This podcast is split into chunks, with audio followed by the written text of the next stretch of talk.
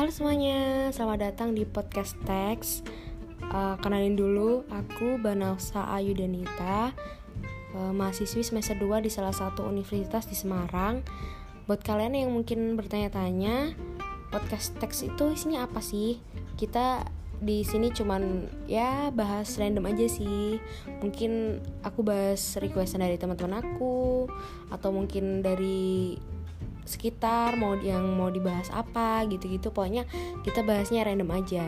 Makanya stay tune terus di podcast teks ya. Semangat semuanya